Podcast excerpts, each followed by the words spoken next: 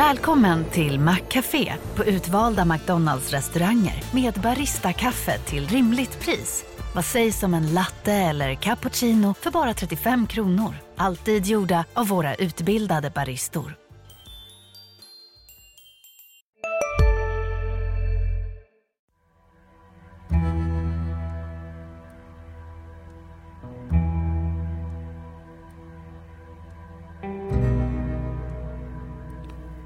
Du lyssnar på Studio Krim med mig, Ricardo Burrows. Jag är reporter på Länstidningen i Södertälje. Och det här blir väl någon sorts säsongsavslutning för den här vändan av Studio Krim. Det är semestertider. Jag är väl lite halvt på semester. Eh, min vanliga kollega, poddkollega Torbjörn Granström, krimreporter, är på helsemester. Så jag tänkte väl att det får bli upp till mig att axla den tunga krimreporterrollen. Jag tänker att efter vadå, 20 avsnitt så borde jag väl lärt mig ett och annat om just krim. Och i veckans avsnitt tänkte jag prata om de nya lagarna som träder i kraft den 1 juli och är ett första steg i att försöka motverka de kriminella nätverken och att få stopp på gängkrigen som fortgår där ute i landet. Det handlar bland annat om att straffen för grovt olaga tvång, olaga hot, rån och utpressning ska skärpas. Det handlar också om att fler typer av brott kommer att omfattas av häktningspresumtionen. Det vill säga om en person misstänks för brottet så ska de häktas per automatik. Från och med den 1 juli kommer det också bli olagligt att rekrytera barn till kriminell verksamhet. Och med de nya lagarna så uppstår ju en hel del frågor. Bland annat om hur effektiva de här nya lagarna kan tänkas bli och om allt fler frihetsberövas och får sitta i fängelse. Kommer då kriminalvården kunna stå pall för trycket? Har man liksom de resurserna och de platserna ute i fängelserna för att ta in flera? Så jag har under veckan intervjuat en åklagare och en expert på kriminalvården om just de här frågorna. Och jag tänkte att vi tar avstamp i just det där med om de här lagarna kommer vara effektiva. Helene Gestrin är senior åklagare på åklagarkammaren i Linköping och hon jobbar just mycket med grova brott och narkotikabrott. Jag ringde upp henne för att prata om de nya lagarna. Inspelningen här. Och då börjar jag med den första frågan då.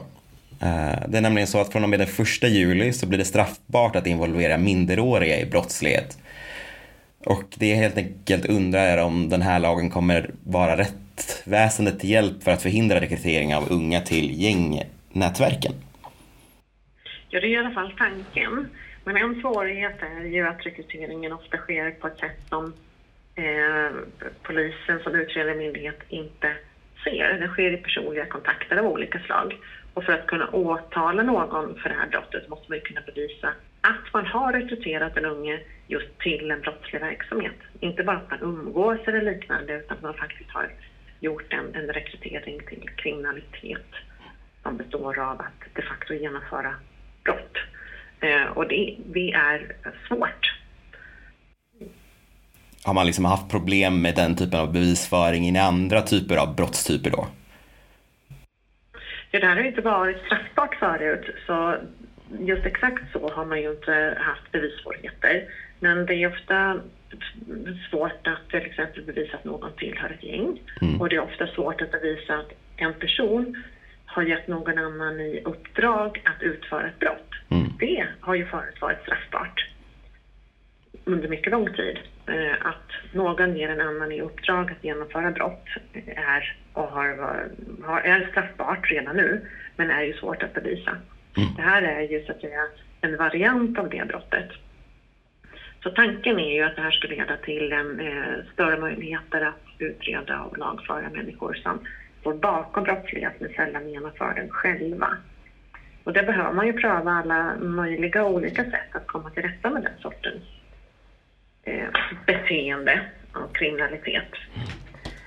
Därför att vi har sett en väldigt stor utveckling när eh, allt yngre människor begår brott och allt grövre brott. Och det sker ju sällan på eget initiativ utan eh, det beror ju på att man har blivit indragen i, instruerad att genomföra den sorts brott. Mm. Men tror att lagen kommer kunna ha en avskräckande effekt på rekrytering bland unga eh, när man ändå kan riskera upp till fyra års fängelse? Ja, redan nu riskerar man ju fängelse när det gäller att man har anlitat någon annan att begå brott. Och det har ju inte haft någon enormt avskräckande effekt på den här sortens eh, brottslighet eller beteende när man leder in andra personer i brottslighet. Tanken är väl ändå att det ska vara så, men vilken effekt det kommer att ha, det får vi väl se. Det finns ju ärenden där man faktiskt kan se att eh, äldre människor eller eh, vuxna människor påverkar ungdomar och lerar ungdomar och drar in ungdomar i gängkontext. Och eh, så att säga initiera dem i ett kriminellt beteende. Och måhända kan man väcka åtal för en del sådana ärenden nu där det inte förut har gått. Men med tanke på med tanke på hur många steg bort från den konkreta genomförda brottsligheten man fortfarande kommer att stå och med tanke på den ändå relativt låga upptäcktsrisken så är det väl svårt att ha några enorma förhoppningar på den nya lagstiftningen. Redan, redan idag är det ju svårt att fälla personer i så kallade indiciemål. Eh, finns det några svårigheter i den här nya lagen som gäller själva bevisningen som krävs för att den här typen av brott ska kunna liksom leda till en fällande dom?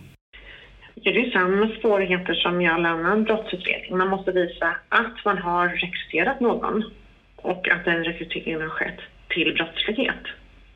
Eh, och eftersom man sällan berättar om det själv som misstänkt och den rekryterade personen sällan berättar om det måste det ju visas på något annat sätt. Och eh, eftersom rekryteringen ofta sker i en daglig kontakt eller i en eh, kontakt där man rör sig i sitt bostadsområde eller sitt umgänge intill kriminella människor så sker det ofta en väldigt successiv och smygande ingång till gängen. Eh, den, den sortens rekrytering kan man inte se och kommer inte kunna åtala för i fortsättningen heller eftersom det är just rekrytering till kriminella gärningar som kommer åtalas. Och den rekryteringen eh, är det ju svårt att hitta bevisning för eftersom den eh, är systematiskt svårt mm. att hitta konkreta uppgifter som visar att någon har rekryterat någon till att begå brott och konkreta brott. Så som du nämnde tidigare, du, du ser att den här lagen kommer vara, alltså nu, nu, nu tillkommer den ju, men har du liksom svårt att se att den kommer kunna ge konkreta vinster eller finns det ändå ett visst hopp om att man kanske kan nå, nå liksom folk som försöker rekrytera de här eh, ja, men un, väldigt unga gärningspersonerna? Det har ju blivit ett jättestort problem, samhälleligt problem.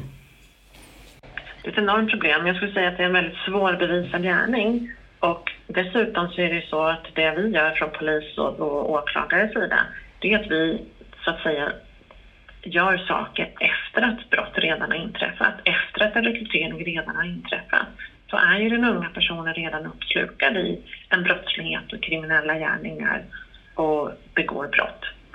Rekryteringen till gängen behöver framförallt stoppas på andra sätt genom att förhindra att man kan rekrytera unga människor.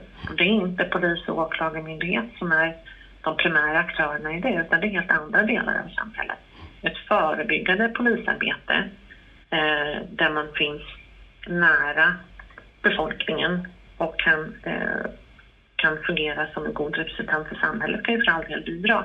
Men annars så handlar det om helt andra saker. Skola, socialomsorg och att ge socialförvaltningen de verktyg som de behöver för att kunna sätta in åtgärder tidigt i de ungas liv eh, och kanske utökade möjligheter då att kunna göra det mot den ungas och vårdnadshavarnas vilja också till min sista fråga då. Um, som jag nämnde, det, det, här med att man rekryterar unga har ju varit ett problem nu ett tag. Det har ju skrivits spaltmeter om det och inte minst sagt i vår egen tidning, Länstidningen. Men har den här typen av rekrytering av unga på något sätt testats tidigare rättsligt innan den här lagen tillkom? Ja, det har det faktiskt gjorts genom narkotikaåtal där man har åtalat personer för narkotikahantering men också att man har åtalat för människohandel genom att man ska ha eh, så att säga, tvingat ungdomar till att eh, bli delaktiga i en narkotikaförsäljning och narkotikakriminalitet. Och det har varit åtal som inte har varit framgångsrika eftersom det är återigen då svårt att visa på ett konkret och faktiskt tvång, att man verkligen inte haft några valalternativ som den unga. Och jag tänker mig att det kan vara sådana åtal som har tydligt pekat på behovet av en ny lagstiftning liksom den här utbrända problematiken med att rekryteringen går att lägga ner i åldrarna.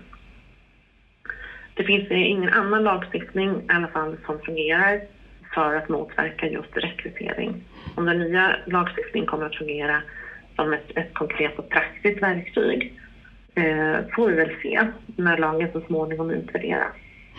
Men det kommer att kräva eh, skicklighet och eh, initiativrikedom och omsorg för att kunna hitta bevisning för det.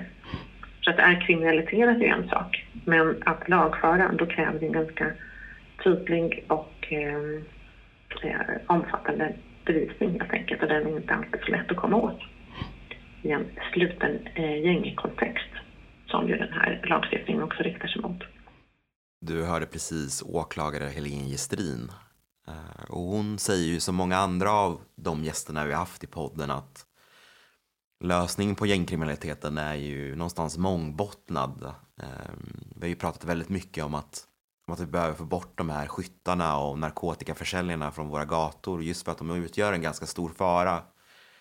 Eh, men även Helen här lyfter ju att det när väl åklagare och polis kommer så har ju brottet redan skett och att mycket måste göras redan innan ett brott sker. Vi måste jobba mer förebyggande i samhället. Och jag som både nyhetstorsk och ja, men lite politiker-torsk har ju följt Almedalsveckan. Jag skulle inte säga slaviskt, men jag har ju följt den i alla fall. Och jag reagerade väl på någonting som Ulf Kristersson sa i sitt tal, eller sa och sa, det är väl mer att jag märker väl någon sorts kursändring kanske. Att eh, Tidöpartierna, eller åtminstone Moderaterna. Hej, Ulf Kristersson här. På många sätt är det en mörk tid vi lever i. Men nu tar vi ett stort steg för att göra Sverige till en tryggare och säkrare plats. Sverige är nu medlem i Nato. En för alla, alla för en. Har du också valt att bli egen? Då är det viktigt att skaffa en bra företagsförsäkring. Hos oss är alla småföretag stora och inga frågor för små. Swedeas företagsförsäkring är anpassad för mindre företag och täcker även sånt som din hemförsäkring inte täcker. Gå in på swedea.se företag och jämför själv. Försöker gå in i lite mer mjukare värden när det gäller just det här med gängkriminalitet och framförallt hur, hur man ska jobba förebyggande. Eh, det har varit i min mening ganska hård ton där man pratar väldigt mycket brott och straff och, och, och de här hårda handlingarna om hur vi ska ha hand om gängkriminaliteten. Men att man kanske öppnar upp dörren lite grann för de här lite mer sossiga approachen till, till eh, brottsförebyggande. Jag tänkte spela upp en liten del från eh, Ulf Kristerssons Almedalstal här. Det sägs ofta att samhället borde komma in tidigare helt rätt. Problemet är att systemen tvärtom är byggt för att samhället ska komma in alldeles för sent. Sekretesshinder, så att polis, och socialtjänst och skola inte ska kunna prata med varandra. Ingen får ha samlad koll på barnen som kan dras in i gängen. Än mindre göra någonting åt det. Och om föräldrarna inte vill medverka så blir det ofta ingen insats alls. På punkt efter punkt så kommer kommunernas och statens reaktioner för sent. Och när barnen väl begår brott, då fortsätter samhället att sticka huvudet i sanden. Minderåriga är mer eller mindre straffimmuna. Det värsta som kan hända är att socialtjänsten kallar till samtal eller att man placeras tillfälligt på ett SIS-hem som man kan rymma ifrån eller via mobilen hålla kontakten med sina kriminella kompisar på utsidan. All den här avsiktliga slappheten gör barn attraktiva för gängens ledare. Allt det här tänker vi ändra på. För det finns ingen motsättning mellan det repressiva, alltså de tuffa tagen mot de som redan begår brott, och det förebyggande, så att dagens barn inte blir morgondagens mördare. Det finns ingen motsättning mellan det hårda och det mjuka. Båda behövs. Jag tackar statsministern för den här övergången, för jag tänkte att vi ska rast ge oss in i nästa intervju som jag gjort. Det är nämligen så att jag har pratat med Susanne Vedin, avdelningsdirektör för områdena anstalt, häkte och frivård inom kriminalvården. Och vi kommer röra ganska många av de punkterna som statsministern tar upp i sitt Almedalstal. Så ja, jag tänker, jag börjar spela in nu, men jag det är så att fler brott kommer att omfattas av häktningspresumtion, vilket betyder att man måste häkta en person eh, om de misstänks för det brottet. Eh, och fängelsestraffen i flera brotts, av brottstyperna som gör, eh, rör gängkriminalitet kommer att bli längre till följd av bland annat Tidöavtalet. Så vilka praktiska utmaningar väntar kriminalvården nu när allt fler blir intagna? Ja, alltså vi, vi ser ju en, en, generell ökning av antalet intagna som till stor del naturligtvis också beror på straffskärpningar. Och nu kommer det ju ytterligare straffskärpningar då den första juli tillsammans med den här ändrade häktespresumtionen också. Så att det är klart att vi, vi ser eh, ett tilltagande antal intagna och den främsta utmaningen i det, det är ju egentligen att, att helt enkelt hinna bygga i kapp i takt med den ökning vi ser just nu. Mm. Eh, och, och, det kommer ju säkert att komma ännu större ökningar till följd av Tidöavtalets reformförslag. Mm. Men, men är det problem redan idag att det finns lite för lite platser på våra fängelsen och, och inom kriminalvården eller, eller finns det platser idag? Ja, alltså än så länge så, så, klarar vi ju vårt uppdrag men vi har ju, det, det, är ju ingen hemlighet att vi har ju extremt hög beläggning och har haft det väldigt länge och räknar också med att den kommer att, att snarare förvärras under närmaste tiden här. Mm. Vi har ju haft en medelbeläggning på häkte och anstalt som faktiskt har överskridit 100 procent. Mm. Så att det är klart att vi har ett oerhört ansträngt platsläge, så är det. Men hur länge, hur länge har det här varit ett problem? Alltså om vi talar rent år, pratar vi decennier eller de senaste åren? Ja, vi, vi såg ju en, eh, ett trendbrott 2017. Då började ju beläggningen återigen att stiga efter att vi under flera år faktiskt hade haft minskande beläggning. Så 2017 började det stiga men sen så kan man väl säga att de två till tre senaste åren har det väl varit eh, besvärligt om man säger så. Det, ja. Är det någon särskild typ av kriminella som har blivit vanligare under den här tiden? Eller är det särskilda brott som gör att beläggningen blir så pass stor idag? Nej, det skulle jag inte säga att det går att peka ut någon specifik brottstyp eller kategori utan det har ju varit eh, ganska många straffskärpningar på en rad områden eh, som har sammantaget bidragit till att inflödet till oss har ökat. Mm. Um, ja, nu, nu är Studio Krim en podd som fokuserar mycket på Södertälje och sånt där. Um, och i dagsläget har vi ja, två pågående konflikter egentligen. Vi har ju den i Stockholm som är väldigt omskriven om i medierna, uh, men också våra egna lokala problem. Um, och det jag undrar helt enkelt, blir det extra känsligt för en stad som Södertälje när antalet eh, ja, men frihetsberövade ökar. Jag vet att eh, Nina Stubbe från Södertälje tingsrätt har sagt till SVT att man har rekordmånga frihetsberövade samtidigt just nu. Alltså det handlar om 40-50 stycken eh, samtidigt. Eh, vi, vi, vi, kan ju ibland behöva placera häktade på, på annan ort än den där brottsutredningen bedrivs därför att platssituationen inte medger att vi kan placera eh, där, där man borde ha placerat utifrån brottsutredningens bedrivande.